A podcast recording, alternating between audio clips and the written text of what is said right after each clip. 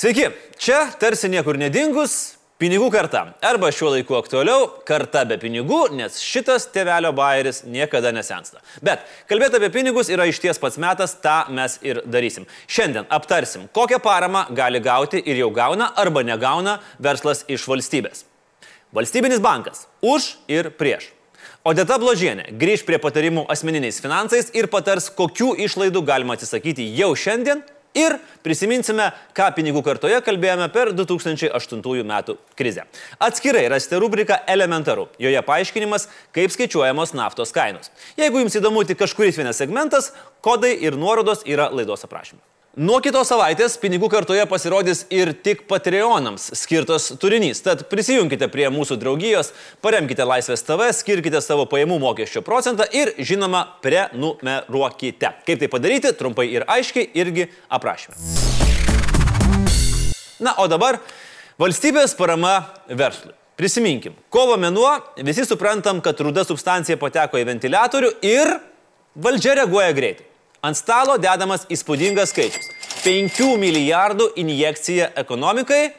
Analitikai sako, wow, seniuk, kietai. Tai kai aš išgirdau, ką siūlo Lietuva, buvau labai uh, nustebęs maloniai, nes buvo drąsu, dideli skaičiai - 5 milijardai, beveik virš 10 procentų BVP.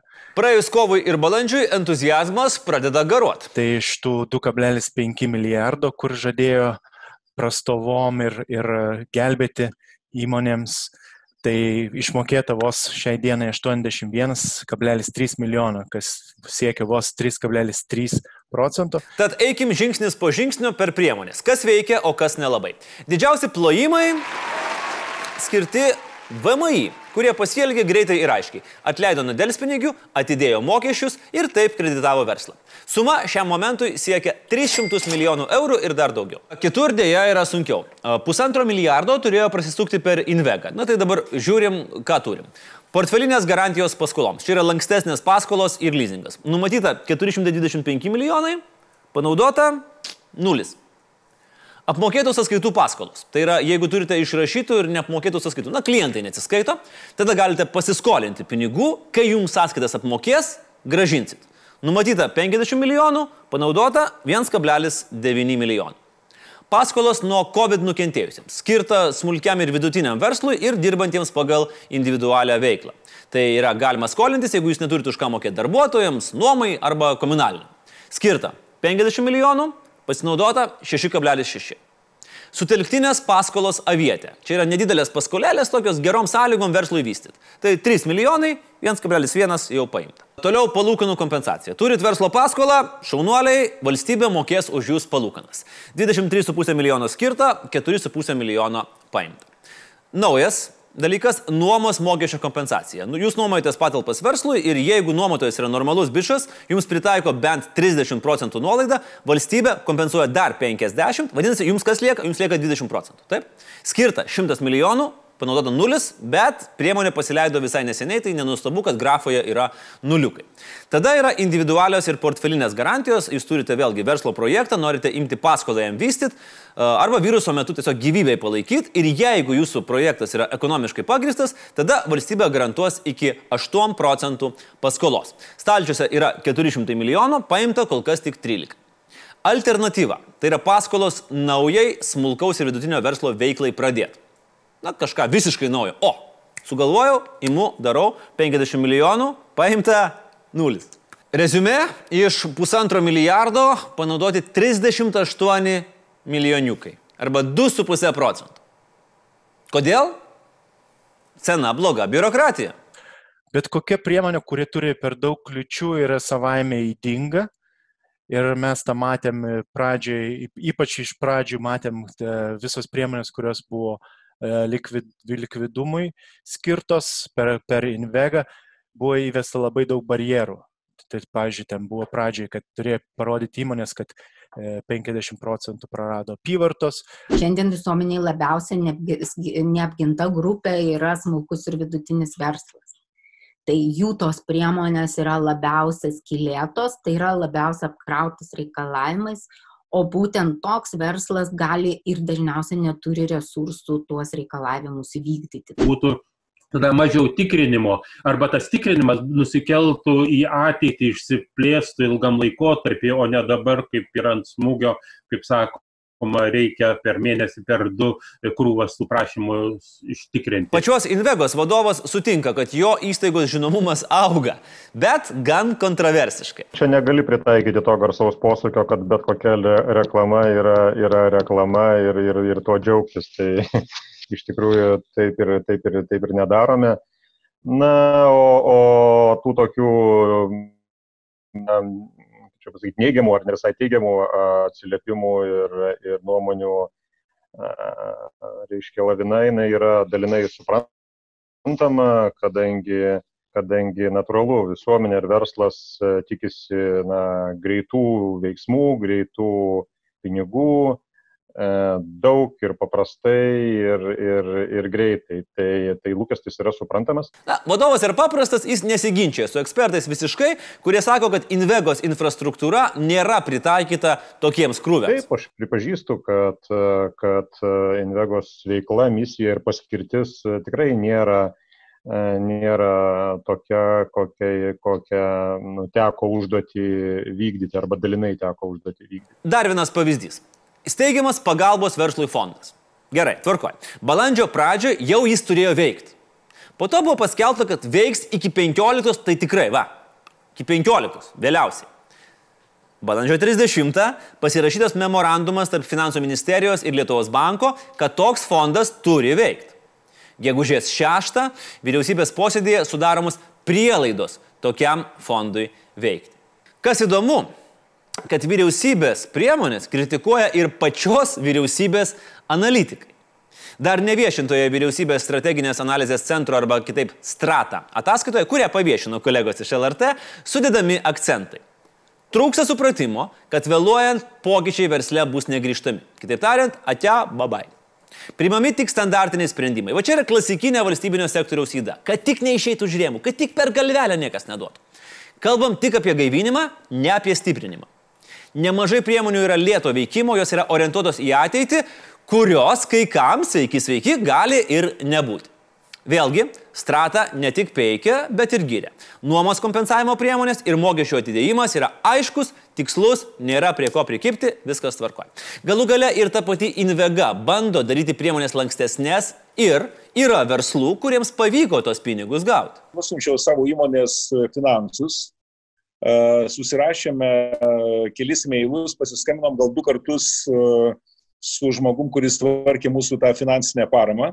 Ir mes per praktiškai per kokias 3-4 dienas sutarėm, kad tie pinigėliai atsiras mūsų sąskaitoje kažkaip ypatingai greitai, ypatingai lengvai, aš net buvau nustebęs. Visi kalbinti ekonomistai ir verslininkai sutarė, nereikia išradinėti dviračio. Mes puikiai žinom, kad nelabai mokam nei išradinėti, nei patys važiuoti. Reikia tiesiog imti geriausius pavyzdžius iš kitų šalių. Apie tai ir kalbėsim kitoje laidoje. O dabar rubrika už ir prieš. Ir klausimas, ar reikia Lietuvai valstybinio banko? Tai šiandien, matydamas visą ekonomikos skatinimo mechanizmą, verslo paramos fondo atsiradimą, Invegos veiklą suaktyvėjusią, aš manau, kad sulik krize neturėtų visa tai baigtis, o tai turėtų tapti gerų pagrindų valstybinio banko formavimui. Ringo kampe už. Lietuvos vartotojų organizacijų alijanso viceprezidentas Kestutis Kupčys. Ringo kampe prieš. Lietuvos verslo konfederacijos mokesčių komisijos pirmininkas Marius Dubnikovas. Valstybei naujas bankas yra būtinybė ir jeigu mes pamatome, kad neįmanoma lengvai pritraukti privačių bankų, kuriuos valdytų stiprus užsienio bankininkai. Tai turbūt logiškas žingsnis yra sukurti tokį banką mums patiems. Kalbant apie valstybinį banką, mes iš tiesų matome, kokį chaosą šiandienai turime su valstybinėm įstaigom dalinančiom paramą. Kaip pavyzdys yra Invega, kuri išdalino tik tai 3 procentus paramos, kuri buvo numatyta ir tikėtis, kad įsteigus komercinį banką jisai veiks nuosekliau ir, ir, ir bus labai sėkmingas ir labai, labai sunku tuo patikėti. Na, visai nebijočiau ir tos perspektyvos, kad šitam bankui šiuo metu gali reikėti nemažai kapitalo. Mes ar taip ar taip kaip valstybė labai daug kapitalo skiriame įvairioms vystimo programoms ir jos šiuo metu yra iš, išsklaidytos po įvairiausias uh, nedidelės agentūras. Mes turime jau uh, įstaigas, kurios uh, atlieka kai kurias funkcijas, tai kaip pavyzdys ta pati vėlgi Invega, tai yra paramos dalinimas ir, ir, ir, ir panašiai.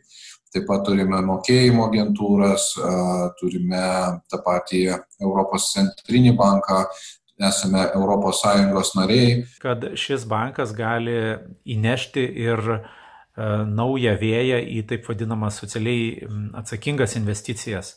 Nes valstybei reikia įrankio, kuris galėtų truputėlį na, kitaip pasižiūrėti į įvairias investicinės sritis, kurios neduoda tokio didelio pelno, bet jos yra ypatingai svarbios ilgoje perspektyvoje. Valstybė imtis verslauti rinkoje, kurioje jau veikia privatus verslas, na, irgi yra kritikuotina, nes paprastai tokie verslai tampa a, politikų a, maitinimuose aikštelėmis, kur a, neišvengiama politinių a, interesų konfliktų ir panašiai, darbo vietos ir visokie kitokie dalykai. Valstybinio banko ateimas, jis pirmiausia padėtų uh, na, e, praplėsti tų bankinių paslaugų prieigą, padidinti galimybės e, tapti bankų klientais ir labiau nutolusių vietovių žmonėms ir galbūt pasižiūrėtų žymiai per labiau socialiai e, jautresnę prizmę, nes galybė klientų yra neaptarnaujami todėl, kad jie bankams yra pernelyg nepelningi. Greičiausiai tokio banko steigimas užtruktų na, kol jisai pradėtų realiai, normaliai funkcionuoti, tai įskaitant tai, kad e, sutvarkyti visus popierius, IT sistemos, personalas, taisyklės visos, licenzijavimai ir taip toliau, ir taip toliau. Tai tokio banko veiklą mes realiai pamatytume turbūt tik tai po trijų metų. Argumentai sudėlioti, bet kad kas nors pajudės, tikimybė yra menka. Laidos aprašyme yra nuoroda į 16 metų pinigų kartą, kur lygiai taip pat visų rimtumu buvo aptarinėjama valstybės banko steigimo galimybė. Ir ką? Ir nieko. Toliau, perdodu žodį Odetai Bložieniai, kuri dirbdama Svetbankė kantriai metai po metų mus mokė, kaip elgtis su savo pinigais, kaip nepridovanoti nesąmonių per kalėdas. Odeta ten nebedirba, jį vadovauja restoranų Jurgis ir Drakonas tinklui, o mes ir toliau per kalėdas dovanojam brangias rankų darbo kvepiančias žvakės, kurių niekas niekada neužsidega. O ateinant kriziai, bandykim apie asmeninius finansus kalbėti dar kartą. Odeta, prašau, sena jūsų. Sveiki, pinigų karto žiūrovai. Aš esu Odeta ir padėsiu jums sutaupyti. Šiandien asmeninių finansų rubrikoje kelsime klausimą, kokių išlaidų galima atsisakyti jau šiandien. Nuo ko pradėti? Pirma, reikia turėti šeimos biudžetą. Jei tokio neturite, nebijokite, kitoje laidoje būtinai papasakosiu, kaip tokį pasidaryti. Tačiau jau šiandien galite atsidaryti savo banko sąskaitą ir panalizuoti, kur išeina pinigai. Kokias sąskaitas apmokate reguliariai, kur apsipirkinėjate ir peržvelgti visas transakcijas savo sąskaitoje. Karantino metu kur kas daugiau gaminame namuose, o ir šiaip didžiąją dalį pinigų namų ūkis išleidžia maistui.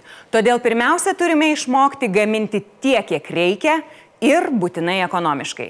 Beigi išmokti apsipirkti visai savaitai saikingai, kad nereikėtų išmesti produktų ir nešvaistytumėte pinigų. Sportas Palaikyti fizinį aktyvumą galima ir be abonemento. Ta turbūt patys pastebėjote karantino metu. Na, ar tikrai einate į sporto klubą? Ar tik turite abonementą? Neturint patirties ir žinių, nereikia pulti prie svarmenų, bet atlikti paprastus pratimus galime ir savarankiškai. Išlaidos laisvalaikiai. Jei norite sutaupyti, dabar pats laikas grįžti prie retro stiliaus pramogų. Žygiai su palapinėmis, dienos žygiai pažintiniais takais, baidarės, galimybės beribės. Suplyšo rankinė, batai, gal pats laikas nueiti pas galanterijos ar batų meistrą, o gal pats pasitaisytumėte. Aišku, nedarykite to su geriausiais savo rūbais, jei niekada nesate laikę rankose adatos ar žnyplių bet linkiu bent jau pabandyti. O jei nusprendėte, kad norite kažkokio naujo daikto, neskubėkite tą pačią sekundę jo pirkti. Patikrinkite internete, kur galima būtų trumpam pasiskolinti ar išsinuomoti daiktą. Jei daiktų naudositės tik keletą kartų per metus, gal pakaktų jį tik išsinuomoti. Na, o jei jau nusprendėte, kad jums kažko reikia, nuomos neužtenka, dar neskubėkite į parduotuvę. Pasidairykite po padėvėtų daiktų platformas ir tinklalapius. Gal rasite ne naują, bet daug pigesnį jums reikalingą daiktą. Ir paskutinis patarimas ir svarbi įstaiga, kuri gali jums padėti sutaupyti - biblioteka. Nors labai smagu turėti savo knygą, tačiau yra didžiulės galimybės skolintis knygas draugų tarpe arba artimiausioje bibliotekoje. Jeigu labai norisi nusipirkti, pabandykite paieškoti jau skaitytos iš antrų rankų knygos. Visur ieškokite alternatyvų ir būkite kūrybingi. Ačiū Dėtai, prisimenam ne tik ją. Prasidėjusi gudžiais 2003 metais pinigų karta išgyveno ne vieną krizę. Žymiai prisidėjo prie Laisvės TV atsiradimo ir kaip radio šou Albinas atsisako numirti ir dar kartą grįžta į eterį. Rubrikoje Tada ir dabar pažiūrėkime, ką apie krizę kalbėjo žmonės prieš keliolika metų, kaip jie atrodo ir ką galvoja dabar. Šioje laidoje eks finansų ministrė Ingrida Šimonytė. Tada ir dabar. Todėl pagrindinis iššūkis buvo uh, mokestinės priemonės parinkti taip, kad jos neapsunkintų gyvenimo eksportui. Kai Lietuvos ūkis pradėjo atsigauti 2009 m. antrą pusmetį, jis atsigavo būtent eksporto sąskaitą ir gana ilgą laiką eksportas ir buvo pagrindinis augimo veiksnys, o vidaus vartojimas, kadangi buvo aukštas nedarbas ir žmonių pajamos buvo gana ženkliai sumažėjusios, jau pradėjo pildyti tą BVP augimą tik tai gerokai vėliau. Kad kai kurie kiti sprendimai galėjo būti priimti, tarkim, dėl nekilnojamo turto apmokestinimo, na tai jūs puikiai žinot, kad mes labai daug metų diskutuojame tuo klausimu ir nėra dėl jo e, politinio sutarimo ir e, tikrai negaliu pasakyti kodėl, nes manau, kad tai yra geras mokestis, produktyvus mokestis ir mokestis, kuris iš viso nekenkia ekonomikai ir apmokestina e, tuos dalykus, kurie negali iš Lietuvos pabėgti, skirtingai nuo kapitalo arba darbo jėgos. Tas mokestis, kuris dabar dabar yra nustatytas ir nėra nekilnojamojo turto mokestis toks, kaip jisai uh, taikomas vakarų valstybėse, kur tai yra tam tikra municipalinė prievolė, kur tu moki mokestį savo savivaldybei, todėl kad savivaldybė turi pareigą kurti infrastruktūrą, teikti kažkokias paslaugas susijusias su, savo, su tavo turtu, o tą darydama didina ir tavo turto vertę. Tai, bet tas mokestis, kuris Lietuvoje buvo įvestas 2011 metais tai tikrai nebuvo nekilnojamo turto mokestis, tai buvo tam tikras prabangos tarsi mokestis, galima sakyti, nes buvo nustatyta didelė turto vertė ir pasakyta, kad tie, kurie turi daugiau turto, tai jie turi mokėti tą mokestį ir tas mokestis buvo įskaitomas į valstybės biudžetą. Tai nuo to laiko vietoje to, kad mes prieitumėm prie to klasikinio vakarietiško municipalinio nekilnojamo turto mokesčio, mes tiesiog stumdom tą kartelę, ginčydamiesi, kur yra ta prabangos riba. Tai aš manau, kad mūsų prioritetas visų ir verslo, ir, ir visuomenės yra tai, kad mes neprasiskolintume, kad mes stabilizuotume savo skolą. Tas nėra nuostabu, kai prieš krizę niekas nekaupė rezervų, tai tuomet ekonomikai smukus, na, yra alternatyvos labai paprastos. Pajamos sumažėja trečdaliu, įsipareigojimai ką tik šviežiai padidinti, nu tu tiesiog negali, negali šito ūkio pavežti, įsivaizduokit šeimos biudžetą ir pamatysit, kad yra lygiai tokia pati situacija. Tai tas skolos dydis, jis yra, žinot, labai relativus dalykas, nes mes po šitos krizės pamatysime veikiausiai, ar po šių metų pamatysime, matysime veikiausiai, kad jeigu vyriausybė pasiskolins tiek, kiek ji dabar yra nusimačiusi savo kaip teisė biudžeto įstatymė, tai ji pasiskolins, tiesą sakant, tiek pat, kiek mums teko pasiskolinti 2009 metais. Ta prasme, skola kaip ekonomikos dalis prieauks labai panašių procentų, apie 10 procentų bendrojo vidaus produkto, gal net daugiau.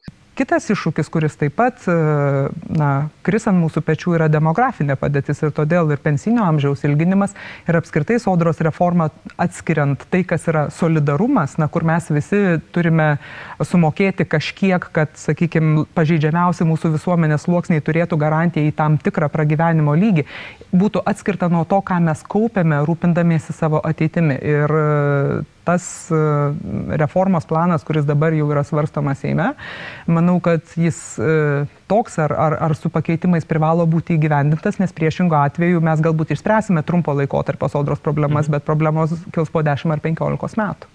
Politizavimas sistemos, kur sukėlė didelės problemas per aną krizę, kai prieš pat krizę buvo didinama bazinė pensija, buvo didinamos draudžiamos pajamos vyriausybės diskreciniais sprendimais, todėl kad nuo tuo metu valdantiesiems taip atrodė, o paskui kažkas nebegalėjo tų įsipareigojimų vykdyti, nes pajamos, kaip minėjau, sumažėjo trečdaliu, tai uh, tos įtampos buvo labai didelės. Kai tos sistemos atsidalino, kai, kai buvo įvesta indeksavimo formulė, tai sodra jau ir šiokį tokį rezervą šiem metam buvo susikaupusi Ir e, tie sprendimai, kurie buvo priimti, e, tarkim, dėl, dėl pensijų indeksavimo, depolitizuojant pensijų indeksavimą, tarsi irgi buvo priimti teisinga linkme. Taip, ekonomika auga, biudžetas pilnėja, tuomet pensijos atitinkamai yra indeksuojamos. Tai dar ne viskas, laidos aprašyme rasite nuorodą į rubriką Elementaru. Šiandien aiškinam, kodėl taip smarkiai smuko naftos kainos ir ne taip smarkiai benzino degalinėse. Dar nuo kitos savaitės jau matysite ir pinigų kartą premium turinį Tad kada, jei ne dabar, geriausias metas tapti Laisvės TV Patreonu, kad ir už tą vieną dolerį. Gražios savaitės, saugokit pinigus ir žiūrėkit Laisvės TV. Viso.